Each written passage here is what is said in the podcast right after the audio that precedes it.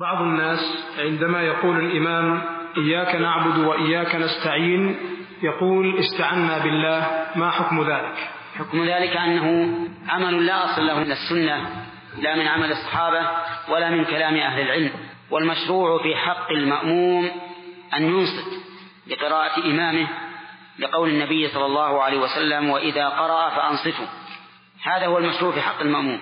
وأما قول المأموم استعنا بالله فلا وجه له ومن سمع أحد يقول ذلك فلينصح ويقول له أنت مأمور بالإنصات لقراءة إمامك وإذا أتم القراءة فأمن على دعائه فيحصل لك من الأجر ومن الخير كل ما دعا به الإمام.